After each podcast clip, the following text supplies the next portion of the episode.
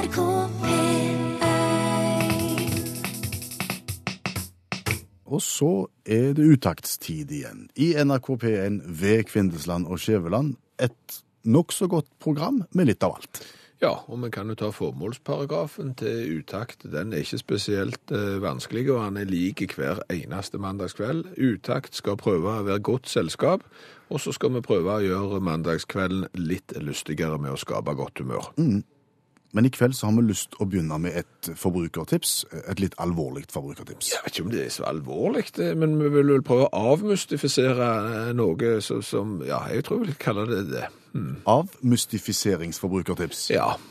Det er en lite brukt sjanger, men interessant. Ja, absolutt. absolutt. Men, men poenget er det, sant? Altså, av og til så hender det at han far, eh, eksempel meg, eh, må ut og, og kjøpe stearinlys. Ja. Jeg sier ikke at jeg ikke har kjøpt stearinlys før, men, men det er klart at det, du, skal du ha elfenbeins, eller skal du ha kubbe, eller skal du ha sånn som står oppi sånn glass, og Jeg blir veldig ofte sendt ut på te. ja, på telys, ja. Ja. det kjøper en pose ferdig med det, så det er nesten eh, det enkleste. Men, men i alle fall så, så endte jeg opp med, med å kjøpe lys, og jeg synes det var, fra et mann-synspunkt, så var det et alle tiders lys, for det var allerede oppi et glass, eh, og det var ikke spesielt dyrt, og, det lyste, sant? Hvordan, jeg- så du for deg at det skulle stå i heimen? Nei, altså, jeg hadde jo fått beskjed hvor det skulle stå. Det skulle stå på det der eh, metallfatet dette på hytta, og på, på et sånt et metallfat sammen med noen andre kubbalys og litt sånn, for å skape litt stemning i en litt dunkel uh, hytte. Så, så jeg følte jeg hadde funnet lyset. Spesielt siden det var billig, tenkte jeg. Det var alltid godt tips. Var fruen fornøyd når du kom hjem? I, etter hvert så ble jeg jo kanskje mer, mer fornøyd eh, enn i starten, for det viste seg det at jeg hadde kjøpt ei gravlykt. Du ville pynte på hytta med, med gravlykt? Ja, og, og, og det er klart, jeg har sett gravlykter før. Det er noen som, som ser ut som et eh, melkeglass med et eh, litt sånn gyllent metallokk oppå, som skal hindre, hindre vær og vind å komme inn i, eh, inn i lyset, og dermed så skal det stå og brenne lenge. Dette hadde ikke det lokket, og dermed så klarte ikke jeg å avsløre at jeg hadde kjøpt ei gravlykt. Men, men det hadde jeg. Men, men hva gjør du? Du er på hytta, det er jo ikke så Vi må tenne på det vi har. Så vi satte fyr på på gravlykta, og det viser seg jo at den er når du får tenkt deg om, det der, det der jeg sier, dette er litt nybrottsarbeid, når du bare får tenkt deg om, så er den en alle tiders inne, et bra innelys. For, fordi han brenner utrolig seint. Ja. Så- Sånn at eh, jeg har aldri sett eh, et lys som brenner så seint. Normalt sett så, så svir du av et stearinlys på, på en kveld der med, med taco og, og TV, sant? Men her er det det har brent i hyttetur etter hyttetur, og det er ikke halvferdig ennå. Ja, Men du får ikke sånne litt sånn negative assosiasjoner at det gjør noe med stemningen? da, At det blir ikke så koselig og lunt som det burde vært? Nei, altså Du må befri deg fra tanken hva lyset egentlig eh, skal være til. Men Må må fortrenge. Ja, men samtidig så er jo ikke det så trist. altså Vi skal jo minnes de. Det er jo derfor vi tenner gravlykt òg. Så sånn sett så, så er det jo bare en litt sånn distanserte form for, for minning. Ja. Og, og, og den som jeg kjøpte, var, alle tiders fin. Så jeg, egentlig så vil jeg gå så langt at jeg anbefaler folk å kjøpe gravlykt og, og bruke det inne. Fordi at A brenner utrolig seint, så sånn sett så er det veldig effektivt. Eh, og du trenger ikke liksom Den som jeg kjøpte, så trenger du heller ikke sånn eh, Hva heter det for noe, dette? Veke? Nei, det, det må du ha. Lysestake var det jeg skulle fram til. Det var et vanskelig ord. Du trenger ikke lysestake. Her kommer han jo på en måte ferdig lysestake emballert. Så det er bare å, å tenne på. Og rasende billig. Og, og rasende billig. Så det er på en måte en eh, godtepose av et innelys, hvis du bare klarer å distansere deg litt fra at det er gravlykt. Av mystifiseringsforbrukertips fra Utakt-redaksjonen ved Skjæveland der, altså. Ja, bruk gravlykt inne. Nå skal vi snakke litt om far til sønn-kunnskap. Overføringen av f.eks. hvordan lage seljefløyte. Hvordan uh, lære å sykle. Ja, eh, hvordan lage kassebil av en eh, gammel barnevogn, osv. Hvordan klippe plenen. Ja, og ikke minst hvordan lære forskjellen på høyre og venstre. Det høres ut som det siste er det enkleste. Eh, Jeg ville egentlig ikke vært enig, men akkurat sånn som verden har blitt det nå, så ville jeg heller lært sønnen min å lage seljefløyte, og jeg kan ikke lage seljefløyte sjøl, men jeg ville heller valgt akkurat det enn å prøve å lære han eh, forskjellen på høyre og venstre. Hvorfor er det så vanskelig å lære ungene forskjell på høyre og venstre i 2015? Ja, du vet det sjøl, for dette har vi diskutert innad i, i gruppa, og vi som fedre syns det er vanskelig, fordi at vi vokste opp med å lære at venstre hånd var Den hånda du hadde klokka på. Ja. Si det til ungene i dag. De har jo ikke klokka. Nei, de vet jo knapt hva klokka er. Ja, de vet hva klokka er, men de vet jo ikke hva klokka er. Så det er sant, hvis du skjønner. For, for de har jo ikke klokke, og dermed kan du ikke bruke det mest vanlige parameteret for venstre. Venstre er den hånda du har klokka på. De har mobiltelefon i stedet. Ja, Så hvordan i all verden skal vi lære ungene hva er venstre? Nei, altså, du kunne jo bruke frambremsetrikset på sykkel. Det var også veldig nyttig før. For før så hadde du sykler som du trødde bakover, da bremste du med bakbremsa, og så hadde du ei frambremse framme på styret, gjerne på høyre side.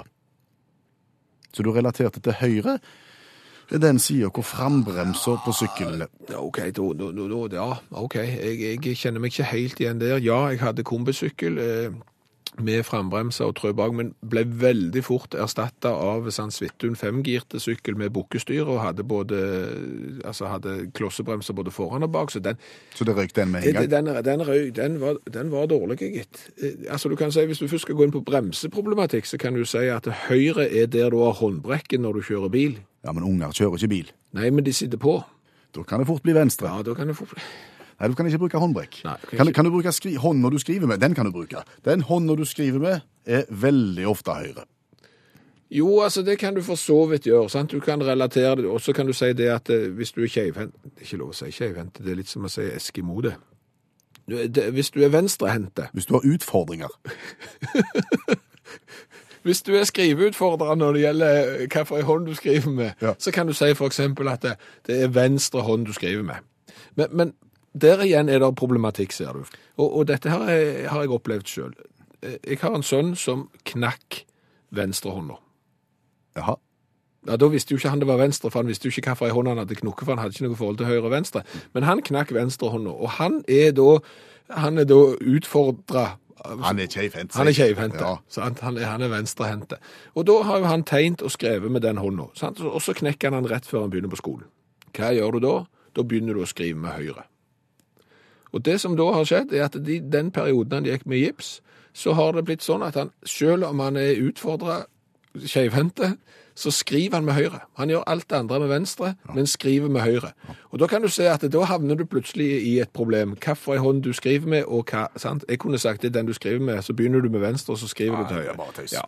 Det må aldri være tvil om hva som er høyre og venstre. For det er klart, i det øyeblikket du kommer ut i- i veibanen og sier at du har vikeplikt fra de som kommer fra høyre, Du har vikeplikt for de som kommer fra den sida som du skriver med pennen din med, og så er du keivhendt, og så har du det gående. Ja, så, så det må aldri være tvil. Og, og dermed så er det liksom, hvilket parameter skal vi nå finne for å si at det er venstre uansett? Nå har vi lukt vekk klokka, vi har lukt vekk håndbremsa, vi har lukt vekk skrivehånda. Mm.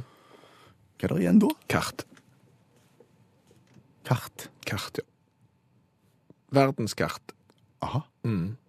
Skal du relatere høyre og venstre til verdenskart? Ja, altså hvis du setter barnet ditt stående foran et verdenskart, sant? Og, og, og vi har jo tidligere snakket om hvor vanvittig vanskelig det er å ha et forhold til himmelretninger, sør, nord, øst og vest og den slags, sant?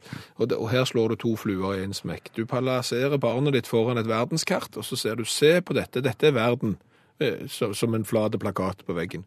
Amerika er til venstre. Så hver gang barnet ditt kommer opp i en høyre-venstre-problematikk, så skal en se for seg et verdenskart. Ja, så skal du tenke at Amerika er til venstre, Russland er til høyre, men eh, Russland står nok mer til venstre rent politisk enn Amerika som står til høyre politisk, men er til venstre. Var nok nå. Ja. Vi har spilt eh, tre sanger så langt i dette uttaktprogrammet, og samtlige har eh, båret tittelen My Father's Eyes. Ja, men jeg tror vi skal stoppe nå. Nå skal vi heller gå fra far til sønn.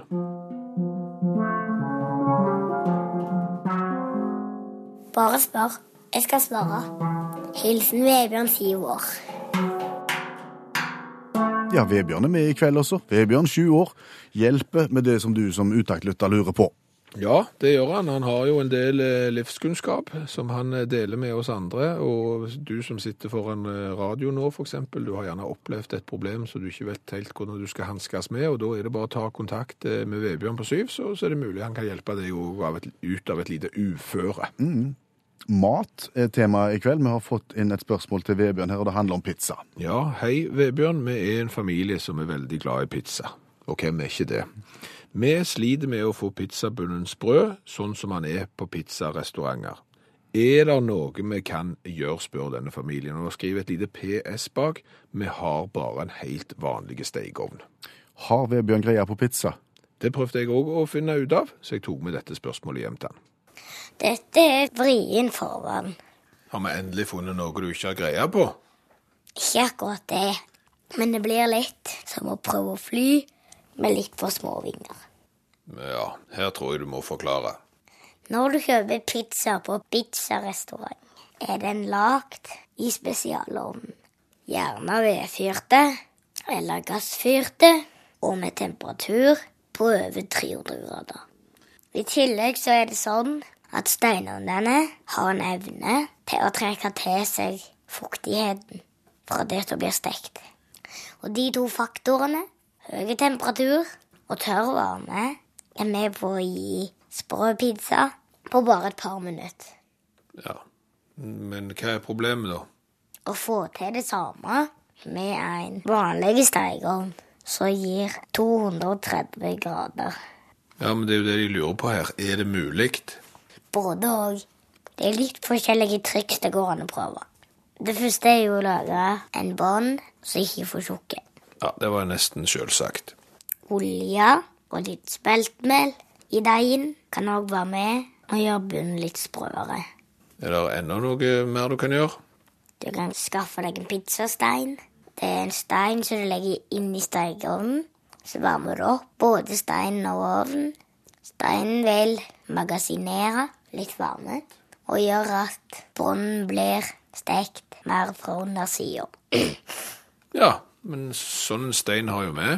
Stemmer det, men vi bruker den ikke. Til slutt vil jeg anbefale å gjøre sånn som italienerne. Legg fyllet oppå osten. Det hjelper litt. Legger du masse ost oppå alt på pizzaen, så blir pizzaen mer kokt enn stekt. Bunn, saus, ost og så full. Prøv det. Vet du hva, Vebjørn, nå ble jeg sulten. Jeg òg. Skal vi ha pizza?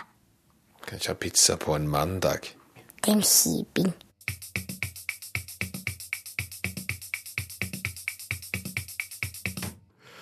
Vet du hva? Kvelden i kveld er en uh, merkekveld i Utakts historie.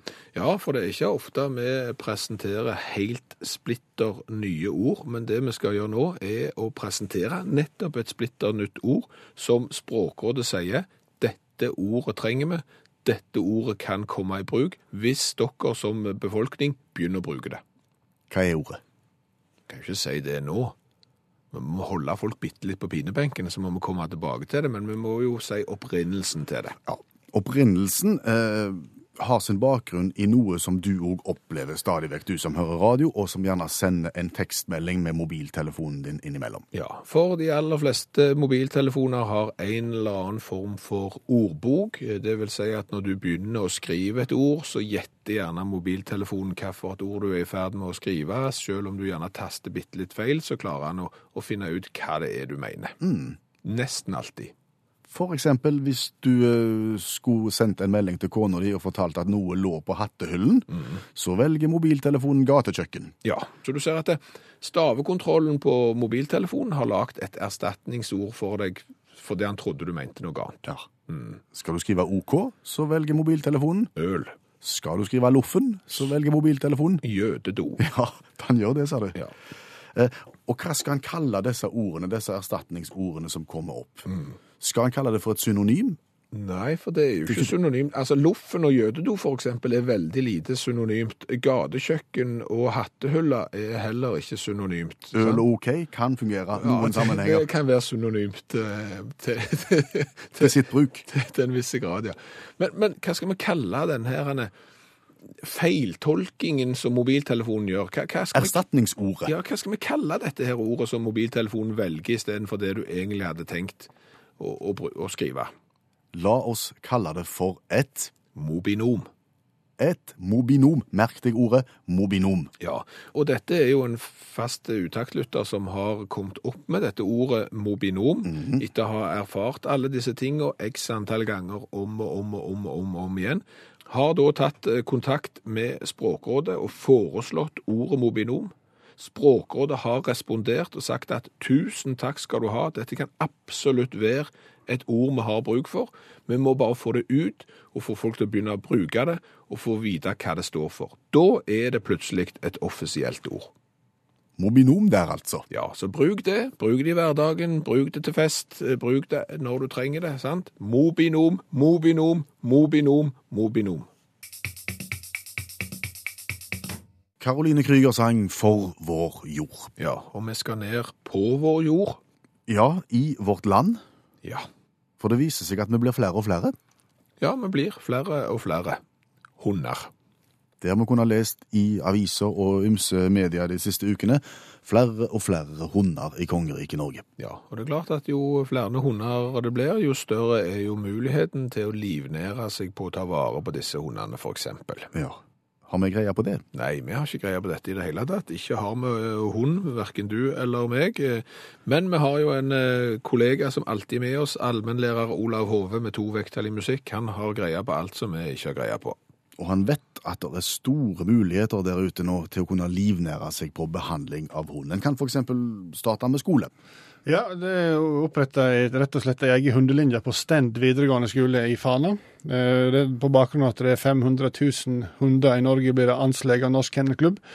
De vet jo ikke det er en del bastarder i Telemark og omegn som vaser rundt uten at de er registrert, for å si det på den måten. Eh, Men uansett, da, en ser for seg at det er en næring som er veksende, og at en her kan dette er noe som folk kan tjene penger på. Altså, det er ikke nok med dyrlege lenger. Du liksom, nå skal de ha fysioterapi, og de skal ha naprapat og kiropraktor og gestaltterapeut og potsoneterapi. Gud veit hva de ikke skal ha. Alt mulig skal de ha.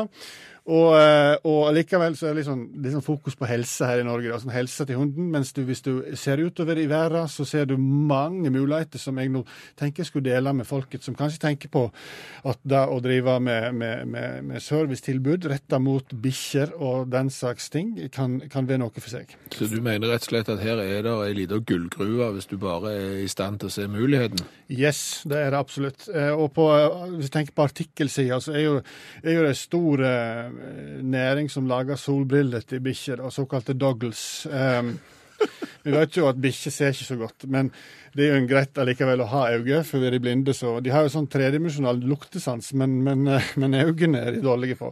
Men det er greit å ha eh, beskyttelse til øynene, og i tillegg ser det drittøft ut. Og Er det liksom mørk Gordon Setter og du har mørke solbriller, så ligner du ganske mye på Samuel L. Jackson. Så det er, Og så er det festelogg, ikke sant? Hvor mye må du ut med for et par eh, doggles, da, altså solbriller til hund? Ja, Ca. 250 kroner, da. Så får du Å, ja. Da får du polikarbonatglass. Og der er det et problem med det polikarbonat, men det skal jeg komme tilbake til seinere i programmet. Okay. Ja, um, Ruth Regina er jo en entreprenør når det gjelder parykk til hund. Um, fikk, fikk ideen når niesa viste sånn stor omsorg for sin lille puddel at hun fikk ut sporenstreks begynte å lage parykk av kaninhår.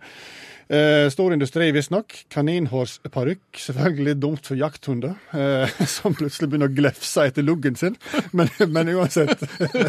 det, er, det, er, det er et marked for å lage parykk. Eh, eh, hundeparfyme ikke lufter jo skit, det vet vi jo. Eh, og, og der vil jo anbefale folk til å se på til Mango og Maud, som da er vel egentlig de største innenfor parfyme for hunder. Eh, og deres, kan du si Mango med scent, som på en måte er deres store. Da. Det er jo eh, en vaniljeparfyme med et hint av mandarin og muskatolje, og med en god dæsj med bergamot. Da. Eh, og, Det er ikke det samme uten det. Nei, det er ikke det. Og godt eh, innspill, fordi at bergamot det, det er jo, som vi alle vet, eh, eterisk olje. Og den gjør at eh, den softer ned liksom lufta, slik at ikke hunden blir går bananas av all denne mandarinlukta rundt hodet sitt. Um, så lukter hunden godt, og så lukter ikke han seg sjøl. Ja. ja, eh, Rent rituelt så er det jo eh, i New York ganske vanlig med såkalt bark mitzvah, som er en jødisk konfirmasjon for hunder som har passert 1300 år. Størst, Er det sant? ja, ja, det er sant. Største arrangementet var på, på, på uh, Queens City Hall. Der var jeg og fikk bryllupssertifikatet mitt i sin tid. Ganske stor sal der, 200 gjester, og de hadde da bark mitzvah. Eh, Omskjæring og du vet, ja. Der er mulighet, selvfølgelig. Konfirmasjon for hunder, og dåp, og kanskje russeutstyr, og, og, og, og, og ikke, det er helt sikkert masse penger i, i begravelse. Ser du for deg at du er både både kan ha borgerlig konfirmasjon for hund, og, og kirkelig konfirmasjon for hund? og... Hunan-etisk konfirmasjon vil det bli da. Ja, men bare, bare mitt er greit. Eh, Så har du òg for eh, de litt mer spirituelle, hvis vi sier om vi er inne på det, så, så er det jo den såkalte doga, som er da eh, yoga for hunder. Um, vi vet jo at hunder er jækla bevegelige, sant? og de kan jo, de kan jo hoppe og sprette og sleike seg på de unevnelige plasser. Men, men å få gnurt de ned i en lotusstilling, det er søren ikke lett. Så, så, så, så her kommer dogaen inn i bildet tilbys over hele Nord-Amerika. Eh, hovedmålet er bonding mellom eier og, og hund. Eh, mest populære stilling Mest populære posisjonen er såkalt bro, der du da setter bikkja oppå. Pinlig for hunden, pinlig for eieren, og ikke anbefalt hvis du har Sankt Bernhard-hund. Men, men eh, Jeg håper for guds skyld at hunden har tatt på seg den parfymen, for ellers så går det gale. Ja, men det er religiøse aspekter til slutt, da, både, så du, du kan eh, ja, få litt trening, og i tillegg så kan du da oppdra både, både, både hinduhunder og buddhabikkjer. Ja. ja. Her er det enorme muligheter, og med tanke på at det da var det da rundt 500 000 kunder i Norge, pluss de uregistrerte i Telemark. Yep. Utakt i NRK P1, som fortsetter med den store coladugnaden. Ja, og det kan vi forklare hva er for noe. For verden er full av ulike colamerker. Og Utakt har tatt mål av seg til å være det radioprogrammet i Norge som i løpet av ett år smaker og tester flest mulig typer cola. Ved hjelp av deg som hører radioprogrammet, for vi er avhengig av at dere tar med cola hjem til oss fra utland og innland og hvor det måtte være. Ja, for det er stort sett vi må ut i verden for å finne de sjeldne gode perlene, og dette har funka alle tiders eh, så langt, det må vi bare si. Vi har vært i store deler av verden allerede, og verre skal det bli. Vi sa vel sist mandag at vi ble rørt av bidraget som kom på døra til oss da. Da kom der ei lita flaske cola fra Sri Lanka. Ja, det er Kick Cola. Den kjente Kick-colaen fra Sri Lanka. Ja, og det som er litt spennende i dag, er jo det at når vi har testa mange forskjellige typer cola, så er jo dette kan du si, noen som vil skumme fløten av det der colahysteriet som jo finnes i verden. Og da lager de en avart av colaen, og så priser de seg unna. sant? Altså Det blir på en måte et lavprisprodukt, og så skal de ta drikkedeler av det store Coca-Cola-kompaniet og Pepsi-Cola. Det er liksom ofte resepten på dette. Den vi sitter med her, Kikken? Kikken fra Sri Lanka, den har ingen planer om å gjøre det på den måten. Hva vil Kikken gjøre? Altså, Kikken er et produkt som ikke skal være billigere enn den vanlige colaen. Det skal bare være et alternativ. Altså, det skal være, de skal konkurrere nesten på samme vilkår. Det skal være på samme kvalitet, skriver de her i pressemeldingene sine, som den vanlige colaen. Og da er det klart, da blir vi bitte litt spente. Og så markedsfører de det som altså, litt sånn nasjonalistiske drikk. Altså det, det, det her er på en måte Sri Lankas egen cola, sant? Og, og hvis du er en srilanker, så skal du drikke den colaen, ikke den der vestlige, imperialistiske eh, colaen fra Coca-Cola, for eksempel.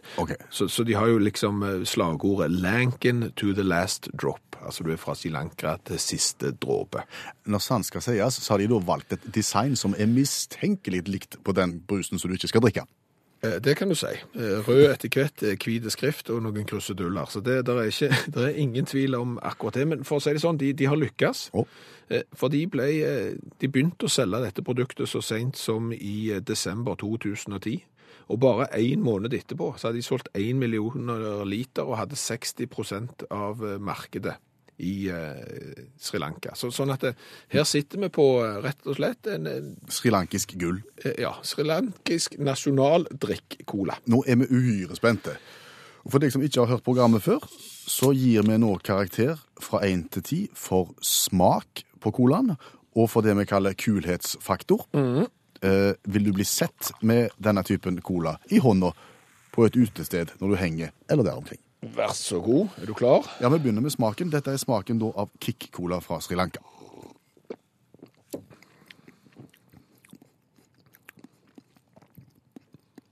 Ja.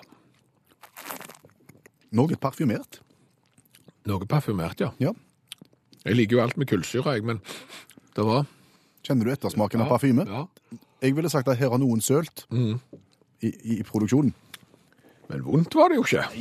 Slettes ikke ille, men, men, men den stenken av, av, av parfyme Ja. ødela mye for meg. Ja. Terningkast tre for smak. Ja, Terningkast fire for meg. Jeg syns jo alltid Så lenge det er kullsyre, så kan det nesten aldri bli vondt. De var inne på colasmaken. Ja, det, det er ikke verst, dette. her. Kul, eh, kulhetsfaktor, eh, parameter nummer to. Ja, så her Dette er jo tydeligvis kult på Sri Lanka.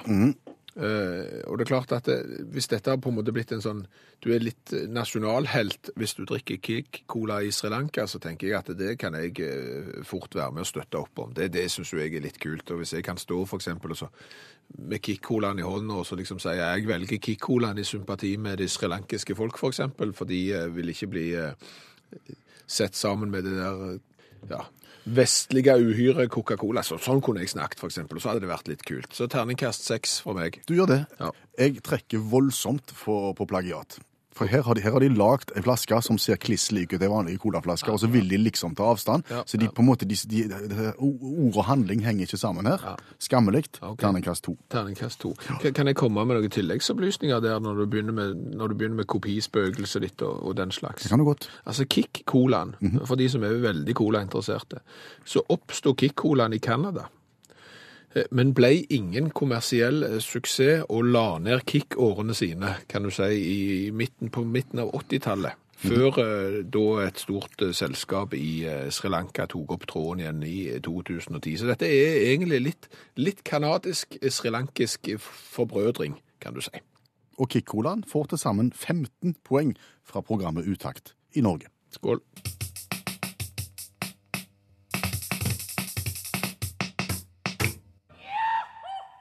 Lyden av jodling er lyden av konkurranse. Ja, det er det. Ingen eh, mandag kveld eh, uten konkurranse, og utgangspunktet er jo selvfølgelig Peter Nødts eh, spørrebok for barn fra 1975. Og reglene er som følger, veldig enkle. Den som er med i konkurransen velger et tilfeldig sidetall, og så tar vi et tilfeldig spørsmål. Svarer du rett, så får du gladjodling. Svarer du feil, så får du litt tristjodling. Men uansett så får du premie, og det er Utakts i T-skjorta med V-hals. Og denne gangen skal T-skjorta til Berlevåg og til han Jørn Stensvold. God kveld, Jørn. God kveld, god kveld, ja. Synger du i mannskor? Nei, jeg synger ikke i mannskor. Jeg spiller i korps. Det var ikke plass til meg i mannskor. Jeg er for ung ennå. Hvordan går det med mannskoret, forresten? Er det, er det god gang fortsatt i, i Berlevåg? Ja da, eh, Berlevåg mannssangforening er fullt oppe og går. og Stor aktivitet. Og når du sier at du er for ung til å være med i eh, koret, hva alder har du da? Nei, jeg er jo ikke 60 engang. Å ja, OK. Nei, nei, her er det jo rene ungtasen. i- Jeg sang i barne, barnekoret. Ja, men det er bra. Det er godt at du har korpset, da. Du vil alltid ha korpset. Hva for et, Ja da. hva for et instrument spiller du, Jan? Jeg blåser i en saksofon til Nordsaks. Til seks. Ja, og stadig i utakt, så det er jo i grunnen veldig greit. Ja, Du driver ikke med Det har ikke gått så langt at det har gått på, til saksmisbruk? Nei. Nei da. Det Ikke ennå. det var, det var betryggende å høre. Du, Vi må ikke snakke oss vekk, vi må komme i gang her. og Det du skal få begynne med, Bjørn, det er å velge et sidetall fra boka vår. Ja. Mellom 8 og 68 må du finne et sidetall. Da prøver vi på side 40. Side 40. Da er vi i kategorien eh, på skolebenken. Jeg har 15 spørsmål å by på. Hvilket av de har du lyst på? Prøv på nummer 10. Hva er det som bekymrer mange i forbindelse med Venezia i 1975? Jeg vet ikke hvor bekymret den er, men, det er jo eh, liksom eh, flo og fjæra, eller over, overvann, eller oversvømmelse. Ja, det, det, det er jo det. Eh, Jeg vet ikke hva de drev og fundamenterte med eh, den gangen de bygde Venezia, men eh, havet stiger og Venezia synker, og Og hvis de var bekymra for dette i 1975, så er de vel ikke mindre bekymra i dag, kanskje? Nei, de er nok ikke det. Jeg tror, jeg, Jeg tror det at de burde være mer bekymra hvis at vannet forsvant, for da har jo ikke Venezia blitt, blitt den attraksjonen den er i dag. Ja, det er et godt poeng, Jørn. Ja. Det har de ikke tenkt på, tror jeg. Nei, det må vi ta opp med de. ja, men det er jo kjempestart, dette her. Eh, Hvor skal vi bevege oss nå i boka? Prøver på side 15. Da er du kommet til kategorien om og omkring kunst og kunstnere. Jeg har 14 spørsmål. Hvilket vil du ha? Åtte. Åtte. Hvilken kjent norsk skuespillerinne hadde sin avskjedsforestilling på Nationaltheatret i slutten av 1974? Jadla lau hi. Jadla lau hi.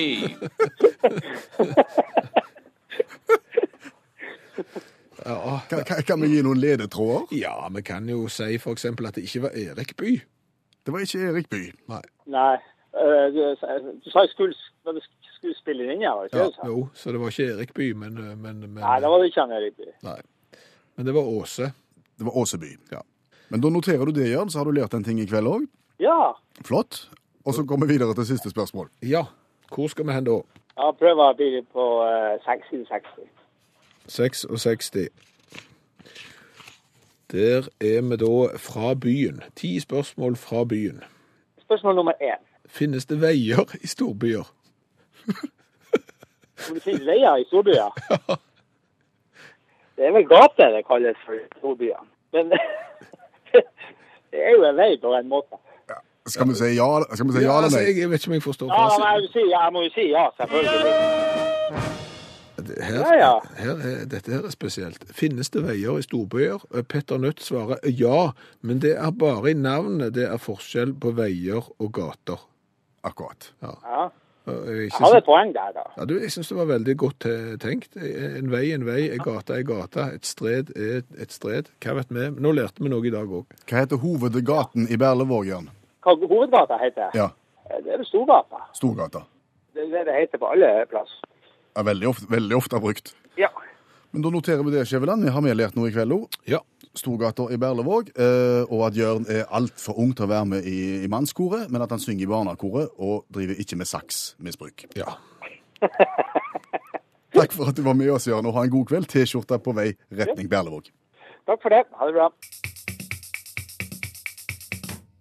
Vi har spilt Det umulige er mulig av DDE i programmet Utakt, og det passet egentlig gyselig godt, for vi skal snakke om Kappgang. om kappgang. For vi har fått et spørsmål fra Øystein, som i lystig lag kaller seg for bygdetulling. Han stiller følgende spørsmål. Kan det forklare hvordan idrettsgreina kappgang oppsto? Ja, altså, vi, vi- kan hjelpe Øystein med litt. Vi kan fortelle hva kappgang er, men vi kan sannsynligvis ikke fortelle hvordan kappgang oppsto, for det, det har vi vel ikke funnet ut av. For det er en litt, eh, ja, litt merkelig idrett. Altså, det er jo rett og slett eh, Du skal bevege deg da uten å ha begge beina i lufta samtidig. Altså, kappgang er jo at du må ha én fot i bakken hele veien, og så skal det der støttebeinet være helt strakt i kneleddet fra det øyeblikket det berører marken, inntil det er i rett vertikal stilling, sier regelverket. Tydeligere kan det ikke bli. Nei. Og så får du et, en, en litt rar, vraltende gange. Du får hoftevrikker som, som kan nesten se ut som du danser sving, bare at du gjør det i singlet og minimale shorts. Eh, og så får du litt sånn hjulbeint fra knærne og ned, som jo er litt sjelden. En litt sær idrett.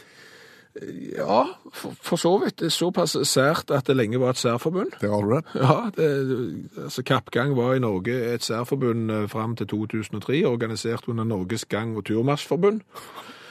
Fant ut at nei, vi skal ikke kalles for Norges gang- og turmarsjforbund, så de satte seg ned, hadde idédugnad og kom fram til at nå skulle det hete Norges gang- og mosjonsforbund. Ja, Mye bedre. My, mye bedre. Men så ble det slått sammen med Norges friidrettsforbund, og, og er nå en del av friidrett. Og kappgangen har vært olympisk grein i mange, mange, mange år. Ja, det har vært olympisk grein siden 1908, men jeg vil få lov å minne om at f.eks. saueklipping òg har vært OL-gren, bl.a. i Paris på starten av 1900-tallet. Så, så det er jo ingen automatikk i at det, på en måte må fortsette, for det er jo litt spesielt. Ja, Nå skal vi være litt forsiktige, så ikke vi får en mengde kappgjengere på nakken. Men Da det, bare springer vi fra dem. det er helt sant. Men, men det, som jeg, det som jeg har tenkt, og det, kappgang ligner jo på en del andre idretter eh, med utgangspunkt i et litt rart fenomen. Ja, og, og det er nok det, Øystein Bygdetulling, at dette her eh, handler om. fordi at det føyer seg inn i en rekke av mange idrettsgrener der poenget er å komme seg raskest mulig fra A til B, men å benytte den metoden som ikke er raskest for å komme seg fra A til B. Riktig. Skal jeg springe fra A til B? Nei. Nei. Jeg går. Ja, én fot i bakken hele veien med litt rart hoftefrikk, og så går det litt seinere. Ja. Eller tenk oss tilbake på 80-tallet. Jeg er ute og går på ski i skogen og går i vanlig klassisk langrenn.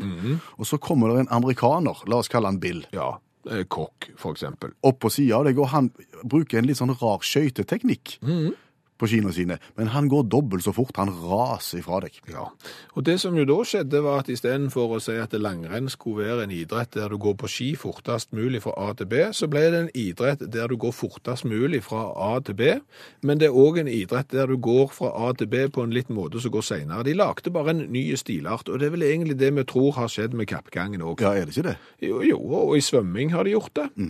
Jeg vil tippe at i de aller første svømmestevnene, da var det bare å stille seg på bassengkanten eller elvekanten eller hva det var for noe, hive seg uti, og første mann fram og tilbake hadde vunnet. Så var det nok en som var kjempegode, så fant de ut at nei, vi får få lage noen andre måter å summe på for oss som ikke er så gode, sånn at vi kan konkurrere med han. Og plutselig så hadde du vel en fire-fem måter å summe på, som ikke er den raskeste måten å summe på. Nei. Da svømmer du ved bryst, eller så svømmer du butterfly, det, eller, eller kaving. Kaving, ja. Vi kaller det. Butterfly er jo bare veiving. Ja. Eh, og så, så bryst, som du sier, så har du rygg. Ja. Upraktisk. Eh, og så har du den der der du kombinerer alle fire. Det er jo spesielt. ja. Så, eh, men, men det er nok det vi har grunn til å tro.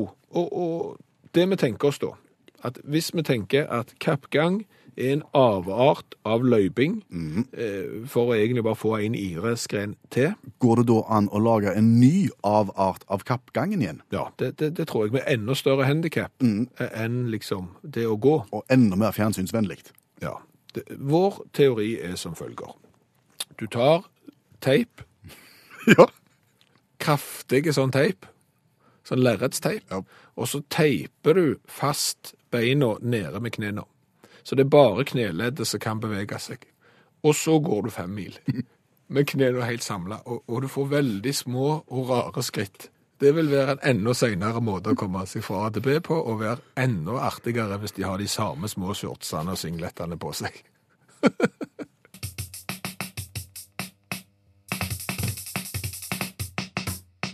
Og tidligere i Utakt-programmet i kveld så har vi jo hørt det at Norge er en nasjon der det blir stadig flere hunder. Dette er allmennlærer med tovektig musikk Olav Hove veldig opptatt av, av forskjellige grunner. Ja, for det er klart at har du hund, hva kan du bruke den til? Jo, han kan dra deg ut på tur. Du kan fôre han til han holder på å sprikke, men allmennlæreren lurer vel òg på om det går an å bruke hunden som en inntektskilde. Ja, du kan det. Altså, hvis du først har hund, sant, så er det greit å få litt uh, Igjen for det. inntekter på det. Ja, for det er jo mye utgifter, sant? Um, Ja, det er jo veterinær, og så er det fôr, og all rakkes og klipping, og klipping av negler, og ja, tannlegebehandling. Ja. Sliping av parkett og alt det der. Ja, og da er trikset da eh, at du kan lære dem opp til ting, da. For denne nesen til hunden er jo da, som jeg sa før i programmet, tredimensjonal. Jeg vet ikke egentlig hva det betyr, men iallfall de er jækla gode til å lukte ting, da.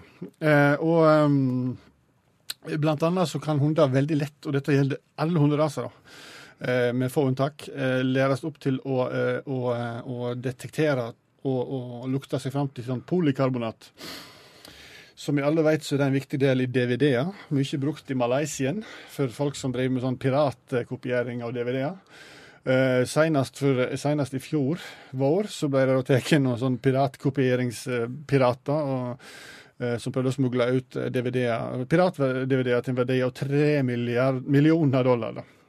Nå er jo DVD-er litt på vei ut. Så hunden skal lukte seg fram til kjeltringverksted for produksjon av illegal DVD? Ja, DVD-snusing. Og så er jo DVD på litt på vei ut, så hvis du har ei bikkje så du føler potensialet på DVD-snuffing, så må du skunde deg. Få, komme i gang allerede i kveld. altså. Ja, men Kan du gå over på Blu-ray? Ja, klart du kan gå over på Blu-ray. Ja, Problemet er vel å få hunden til å gå over på illegal streaming. Altså, Nei, det er ikke det som Problemet er altså polikarbonat. Det er en viktig del i DVD-er, men det er òg jækla viktig del i disse her hundebrillene. Så hvis du ikke kjøper hundesolbriller, hvis du skal ha deg til å lukte DVD-er. For det er akkurat samme stoffet i solbrillene som i DVD-en, så det kan bli litt sånn vibrasjoner i neseboren. Det lite sånn tips der. En liten brannfakkel der. Ja, um, så kan du òg svært lett, visstnok, lære bikkja di til å lukte kueggløsning. Snakket om det før. Oksesperm, dritdyrt. Og skal du liksom drive og inseminere kyrne i tide og utide, så, så blir det dyrt. Det er ikke liv laga. Så viser seg at hunder er i stand til å lukte når kuer har eggløsning. Visstnok bedre enn oksen. Noe som ikke er bra for ryktet til oksen, men iallfall så kan du det sånn, det er enda verre for ryktet til hunden. Iallfall kan du tilby da, bønder at her har jeg en eh, eggløsningsluktende bikkje. Så kan han da sniffe rundt, og så kan han da markere. Veit ikke helt hvordan han markerer, vil ikke tenke på det engang. Men iallfall så er det eh, visstnok jækla lett. Så er det eh, rent, eh, hvis vi skal tenke litt marinbiologisk, så er òg hunder lette til å trene opp til å, å sniffe fram til hvalavføring. Og det er viktig å kunne. Ja, for eh, de vet kanskje at eh, avføring kan vi lære mye av. Sånn, Det gjelder både mennesker og dyr. Men, men, men hvalavføring, det er altså som om de trykker ut av seg en sjølbiografi. Du kan lære alt om hvalen. Følelseslivet, sant? omgangskrets, eh, preferanser både på det ene og det andre. Bare med en liten sånn eh, klump med bæsj fra hvalen. Så, så hvis du da, la oss kalle han Keiko, ser litt sjaber ut, og du føler du må finne ut hva som feiler han, så kan du følge etter han, og, og, men, men du veit altså eh, Havet er stort, men, men kvalen Båten er liten, og setteren er snarere å snuse. Hvalen er liten i denne eh, sammenhengen. her. Ja. Så, så, så når de da bæsjer, så er det litt vanskelig å finne. Og da kan du trene opp hunden, for de har ingen problemer med å få tak i bæsjen. Så tenker du du kan jo bare lete lenge nok. Nei, for vi lærte jo alle i ordfagen at hvalbæsj det er sånn at det kommer ut av hvalen, flyter opp, og så er det en halvtime, og så søkker det. Og da er selvbiografien vekke for evig og alltid. Derfor så trenger du bikkje i baugen som kan detektere eh, bæsjen, og så du kan ta inn og lese selvbiografien til Keiko. Ganske interessant, vil jeg påstå. Men nå har vi altså en DVD-Blu-ray-detektorhund. Det, det kan vi tjene penger på. Og det andre var Kueggløsning. Kueggløsningshunden. Ja. Og ikke minst til slutt Hvalbæsj. hvalbæsj-detektoren. Ja. Men ellers så kan du ikke tjene, tjene Nei, så, så narkotikahunder, det er på vei ut. Ja, det er så 2014.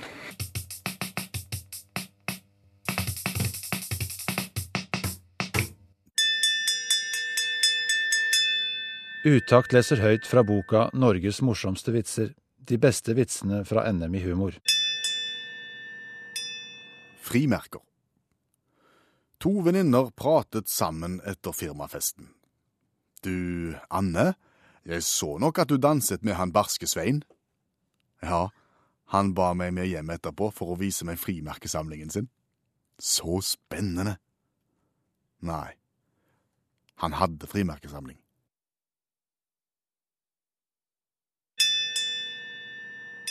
Du har hørt Utakt lese høyt fra boka Norges morsomste vitser. De beste vitsene fra NM i humor.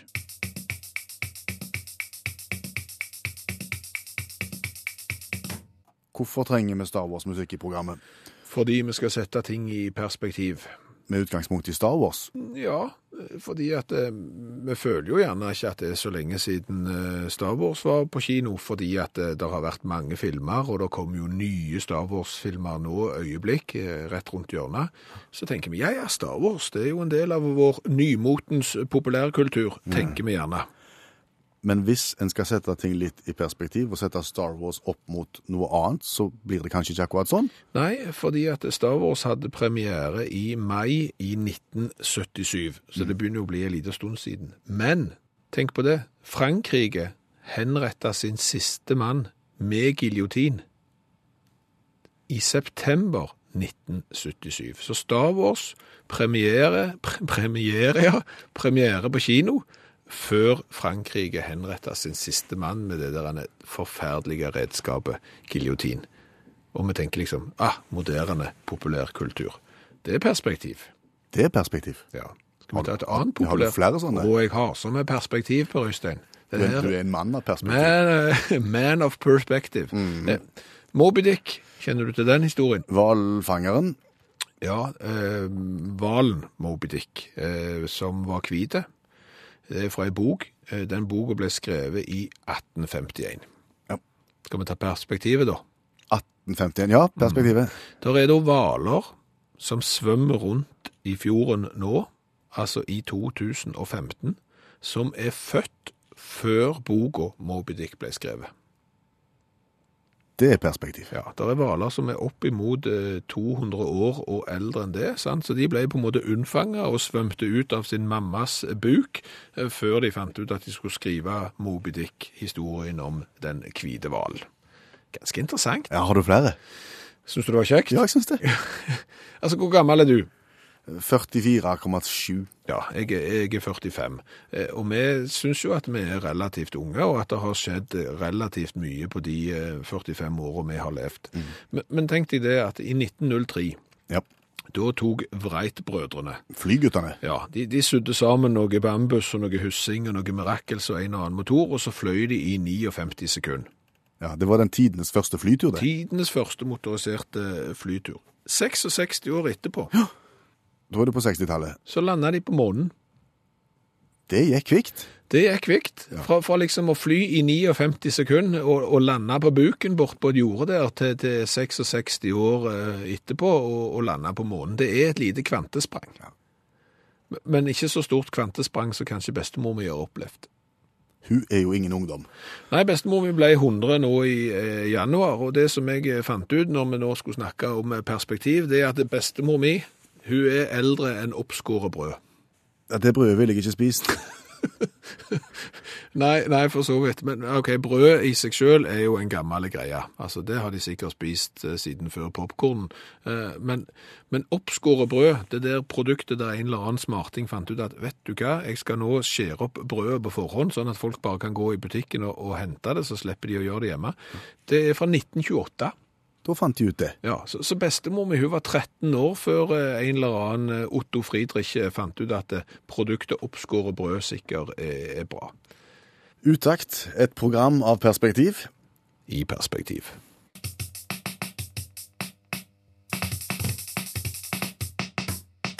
Utakt i NRK P1, hvor vi nettopp snakket om at det er ikke så lenge siden ting så ganske mye annerledes ut enn det gjør i dag. Nei, og når Nick Kershaw ga ut den sangen her i eh, 1984, så satt meg og deg og så eh, fotballandskamper i redigert opptak. Ja, det, det var en litt spesiell opplevelse. Den gikk gjerne litt seint på kvelden. Og, og, og den var ganske enkel å avsløre med tanke på hvordan det gikk. Ja, for eh, kampen gikk ikke direkte. Han var klipt ned, så det tok ikke to timer å se en hel fotballkamp. Det tok gjerne bare tre kvarter, og som du sier, det var lett å avsløre at nå er det snart en målsjanse, eller nå kommer det et mål, for da var det klipt. Ja. Når du hopper fra det 12. minutt til det 27. minutt, så er det en grunn. Ja. Da har det skjedd veldig lite i mellomtiden, Ja. så plutselig skjer det. Ja, og, og så- sånn sett så er jo dette her en eh, ting vi kunne gjort med fotballkamper nå òg, for hvis vi tenker på hvor mye tid vi har kasta vekk på å se dårlige fotballkamper, så hadde gjerne et redigert opptaket vært eh, midt i blinken. Men nå sendes jo alt, Ja. så, så, så ting har skjedd. Men hvorfor snakker vi om nedklipte fotballkamper i radioen? Eh, Fordi at vi skal gjøre litt det samme nå. Eh, Vi skal gi plass til noe, men vi kan ikke gi plass til alt. Vi kan kun gi plass til et redigert opptak. Ja, eh, for eksempel hvis noen hadde ringt til deg og sagt du, du har jo det radioprogrammet på, på P1 på mandagskvelden. Kunne ikke du spilt The Narrow Margin av det engelske bandet IQ? I utgangspunktet så ville jeg være positiv til det. Ja.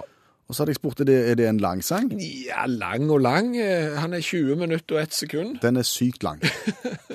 Jeg kan ikke spille den. Nei, og dermed blir det ikke plass. Men det er klart, hvis du da tar trikset fra landskampene for eksempel på 70-80-tallet, at du viser et redigert opptak, så spiller vi eksempel de siste fem minuttene. Er ikke det greit? Fordi Utakt liker jo å være et program der alle slipper til. Der har vi hørt altså det britiske bandet IQ med en liten kortversjon av en kjempelang sang. Ja, vi har hørt fem av eh, 20 minutter, og det er ikke verst. Du får et inntrykk. Ja, du får et inntrykk, og du får spilt gitarsoloer. Det skal de ha, engelskmenn med, med lange sanger. De er snare til å spille gitar. Men du har faktisk hørt eh, 95% av dagens Utakt-program. Det gjenstår ikke spesielt mye. Vi skal si ha det. Vi skal det, så skal vi oppfordre deg til å gå inn og laste ned podkast av Utakt hvis du har lyst til å høre episoder du ikke har hørt før. Og så må du si til venner at dette er et kjekt program, hvis du syns det. Ja. Jeg heter Per Øystein Kvindesland, Jeg heter Bjørn Olav Skjæveland. og han du hører her, heter Billy Joel. Nå skal du høre noe interessant om Billy Joel. Ja, takk. Han er ateist. For så vidt ikke så interessant, men han tror på spøkelser. Han bodde i et hus, og der hadde han ei gammel dame som kom og hjemsøkte han er fra 1900-tallet. En sånn gammel dame som satt og, børsta håret sitt i, i, huset hans. Så selv om han var ateist, så, måtte han bare tro på at det var et eller annet som han ikke skjønte. Så, så det, han hadde også kombinasjonen eh, 'jeg tror på spøkelser' og er ateist. Ha en god kveld.